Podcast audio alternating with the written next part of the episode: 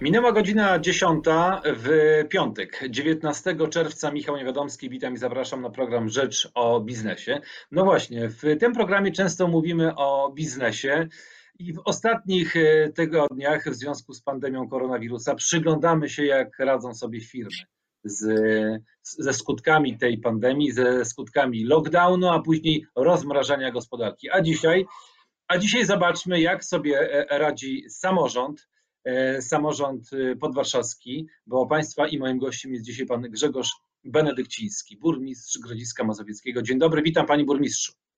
E, witam serdecznie Pana, witam Państwa. Panie Burmistrzu, jak Grodzisk sobie radzi z pandemią koronawirusa? Zacznijmy na początek od tych kwestii medycznych. Jak wiele zachorowań jest u Was, ale też jak wiele zachorowań jest w ościennych gminach? No, y, trzeba powiedzieć, że y, sytuację mamy dobrą, bo w tej chwili mamy trzy przypadki chorobowe. Maksymalnie w szczycie mieliśmy 12 przypadków i to był taki moment szczytowy. E, dzisiaj mo można w ogóle powiedzieć, że przez ten cały czas praktycznie nie mieliśmy dużego problemu. Było sporo ludzi na kwarantannie, ale okazało się, że oni nie byli chorzy. E, dlaczego? Bo e, początek e, zły zaczynał się od szpitala, bo do szpitala przywieziono nam osoby, które były zarażone, no i to generowało cały stres, to generowało również to, że mm, pojawiały się osoby, które były chore na terenie naszej gminy. No i tu podjęliśmy decyzję z inicjatywy pani dyrektor, wspólnie z powiatem kupiliśmy maszynę do badania właśnie na koronawirusa. E, I ta maszyna jest maszyną e, bardzo precyzyjną, 95% e, pewności, jeżeli chodzi o badanie. I wszyscy pacjenci dzisiaj są, są badani, zanim zostaną przyjęci do szpitala, bo jeszcze bardzo ważna rzecz, wynik badania mamy w ciągu 6 godzin.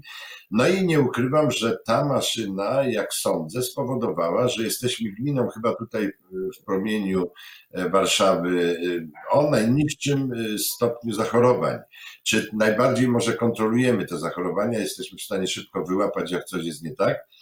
Przebadaliśmy razem już około, y, poza oczywiście pacjentami, poza y, personelem szpitala, badamy również wszystkie grupy, które y, mają kontakt z ludźmi. Myślę tu o nauczycielach. Przebadaliśmy ponad 300 nauczycieli, około 300 nauczycieli. Przebadaliśmy listonoszy, przebadaliśmy pracowników PCK, wszystkich pracowników, którzy zajmują się osobami starszymi, a w związku z tym E, mamy możliwość szybkiego reagowania, bo na przykład w przypadku choroby jakiegoś pracownika, nie wiem, z, z zakładu wodociągów, natychmiast dokonaliśmy badania, okazało się na szczęście, że nic się nie dzieje złego, ale my to wiemy, my nie czekamy za wynikami, możemy to zrobić błyskawicznie i to powoduje, że na dzień dzisiejszy pozwolę sobie powiedzieć tak z dość dużą pewnością, że kontrolujemy e, stan e, chorobowy na terenie gminy. Proszę powiedzieć, ta maszyna, o której Pan wspomniał, jak szybko żeście ją y, kupili? Kiedy zapadła decyzja, żeby jednak takie urządzenie kupować?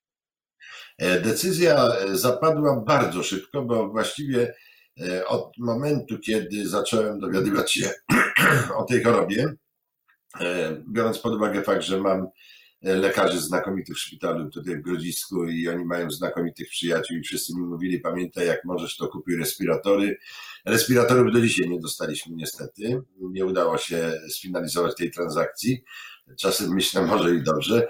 E, natomiast e, jeżeli chodzi o maszynę, to próbowaliśmy ją bardzo szybko kupić, ale pierwszą maszynę, e, którą mieliśmy zamówioną, zdecydowało ministerstwo, że zostanie ona przekazana do województwa kujawsko-pomorskiego.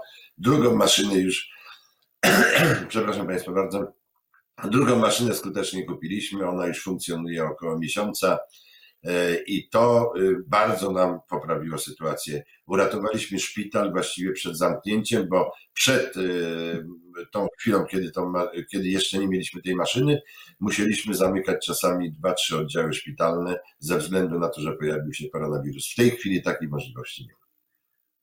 Panie burmistrzu, y, oczywiście pandemia koronawirusa to nie tylko kwestie zdrowotne, ale również i wpływ na gospodarkę. Na ile pan teraz widzi pod koniec czerwca, y, w, po trzech miesiącach tej pandemii, e, wpływy tej, tego koronawirusa na, na wpływy do waszego budżetu i na wasze plany inwestycyjne?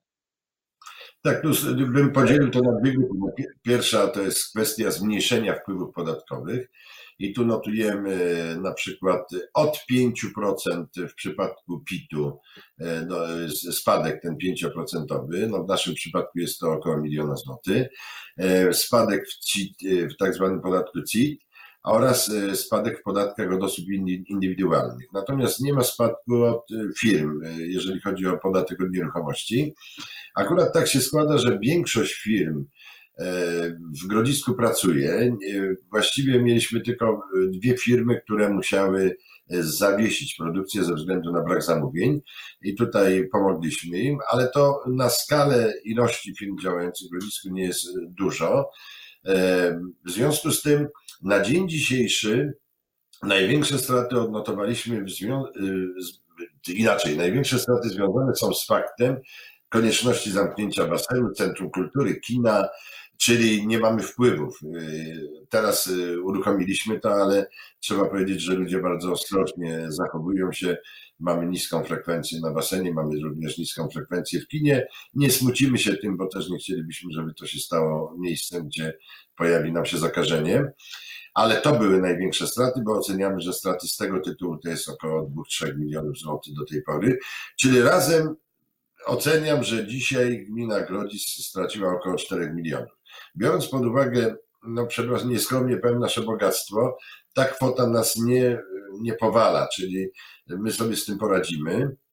E, oceniam również, że po każdym takim kryzysie jest ożywienie, a w związku z tym no, bardzo szybko zrekompensujemy sobie to, o ile nie będzie oczywiście e, jakiejś sytuacji takiej, że ten stan chorobowy się pogorszy i firmy rzeczywiście zaczną e, się zamykać, bo nie było praktycznie, e, poza mówię brakiem zamówień, szczególnie w jednej firmie, nie było sytuacji, żeby została przerwana produkcja.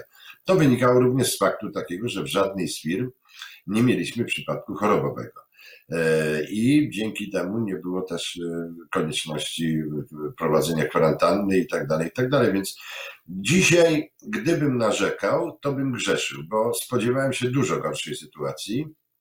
Sytuacji, która E, będzie nie tylko chorobowo dużo gorsza, ale również dużo gorsza finansowo. Dzień dzisiejszy nie jest e, dniem dramatycznym. E, realizujemy praktycznie wszystkie inwestycje. Oczywiście przyjęliśmy założenie, że będziemy realizowali inwestycje, które pozyskują dofinansowanie zewnętrzne, no i te, które już rozpoczęliśmy, czyli na pewno musimy trochę te inwestycje ograniczyć ale nie ukrywam również, że liczę bardzo na to, e, że Unia Europejska wspomoże nas sporą, e, sporą kasą i znowu będziemy mogli e, zakręcić tym kołem inwestycyjnym mocniej, co znowu daje szansę na przetrwanie wielu firmom i na utrzymanie miejsc pracy, co jest dla nas najważniejsze.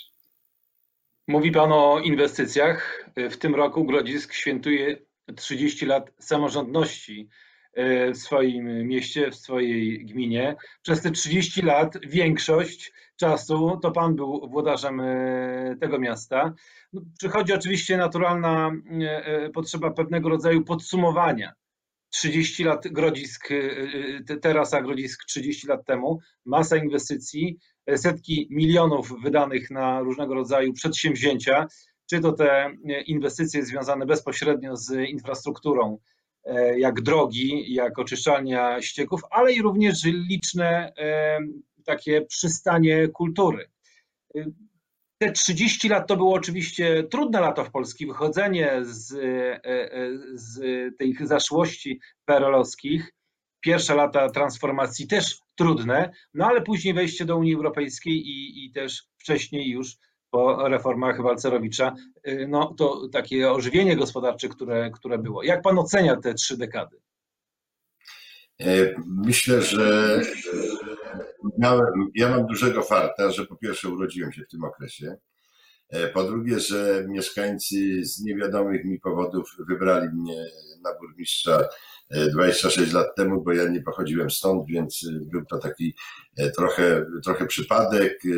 No ale miałem to szczęście, że zostałem wybrany, miałem, dano mi szansę i tą szansę myślę, że mocno wykorzystałem, bo dzisiaj mija, no nie dzisiaj, ale właśnie mija niebawem 26 lat, jak jestem burmistrzem. I to jest absolutnie rewelacyjny okres y, dla Polski. Nie tylko z pozycji Grodziska, ale w ogóle dla Polski, bo po pierwsze ktoś e, bardzo sprytnie, bardzo mądrze, zresztą wiadomo kto, stworzył tą ustawę samorządową, dając nam dużą swobodę i zmuszając nas do, do konkurencji. A konkurencja to podstawowy warunek rozwoju, a w związku z tym zaczęliśmy konkurować y, między gminami i to przyniosło na pewno wielki sukces. E, bardzo się staraliśmy, jesteśmy absolutnie zależni od mieszkańców, nie jesteśmy zależni w żaden sposób od y, zewnętrznych sił, nie jesteśmy zależni również, do tej pory tak było, od partii politycznych. Do mnie e, nigdy nie zadzwonił szef partii, nie powiedział mi, co mam robić albo jak mam się zachowywać, więc ta samodzielność i ta świadomość, że to w naszych rękach jest to, czy będziemy dalej, to w naszych rękach jest e, satysfakcja z tego, czy coś fajnego zrobimy, spowodowała, że udało się naprawdę tą Polskę zmienić. Myślę, że Grodzic również bardzo się zmienił. To jest zupełnie inna gmina, jeżeli chodzi o infrastrukturę. No i e, potem środki unijne. Pamiętajmy o tym, że bez wejścia do Unii nie tylko w kwestiach materialnych, bo to kwestie materialne bardzo ważne, ale kwestie mentalne. My się wiele nauczyliśmy, my zrozumieliśmy, co to są innowacje, my zrozumieliśmy, e, co to jest nowoczesne zarządzanie. E, nauczyliśmy się wielu rzeczy. Mamy przyjaciół właśnie, którzy bardzo nam pomogli y, w rozwiązywaniu wielu spraw i wielu problemów, które mieliśmy. I powiem, to y, nie, nie wiem, czy to nie było ważniejsze niż y, nawet te środki. Poza tym nasza kultura zarządzania, nasze kwestie związane z korupcją, kwestie zachowań pewnych, to absolutnie miało olbrzymi wpływ na to, co, co się wydarzyło, dlatego też wejście do Unii oceniam jako najlepszy patent w tym trzydziestoleciu. No i jakby na to nie patrzył, mogliśmy realizować i realizowaliśmy, jak sądzę, marzenia naszych mieszkańców. Bardzo zainwestowaliśmy w kulturę, bardzo, bo też trzeba sobie jasno powiedzieć, że w ciągu tego trzydziestolecia trochę zapomnieliśmy o edukacji, trochę zaczęło nam się wydawać, że demokracja jest tak oczywista, że te mechanizmy demokratyczne są tak oczywiste, że nie musimy o tym mówić, że to jest w ogóle temat y, jakby nie do przypominania, no bo to jest proste, oczywiste, a to wcale nie jest takie oczywiste i myślę, że to jest y, sprawa, nad którą powinniśmy popracować. Również wiedza ekonomiczna e, też jest na słabym poziomie, bo widzę, jak, jak y, niestety sporo ludzi E, nie, nie, nie rozumie tego, że wszystkie pieniądze, którymi dzisiaj obraca czy państwo, czy gmina, są to ich pieniądze. E, I dlatego też czasami, no po prostu nie rozumiejąc tych mechanizmów, zachowanie jest takie, jak jest. Ale generalnie... Mówi Pan o... Mhm.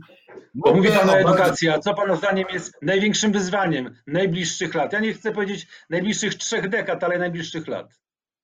E, absolutnie generalna reforma edukacyjna.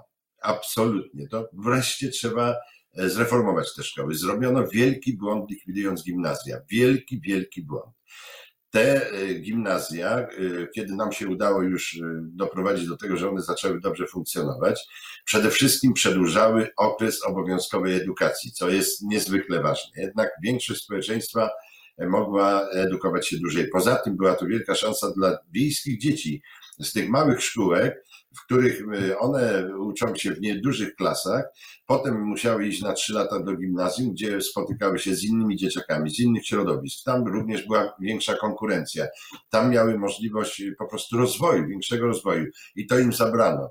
I do dzisiaj nie mogę zrozumieć, dlaczego właśnie mieszkańcy wsi tak lekko zaakceptowali tą tak niekorzystną zmianę dla ich dzieci, bo to była fatalna zmiana dla ich dzieci. Ja wiem, że wygodnie, bo mam szkołę blisko, bo dzieciak sam poleci, nie muszę się martwić, żeby go i tak dalej, ale tak nie możemy myśleć. Edukacja jest kluczową sprawą, a edukacja w Polsce wymaga zreformowania.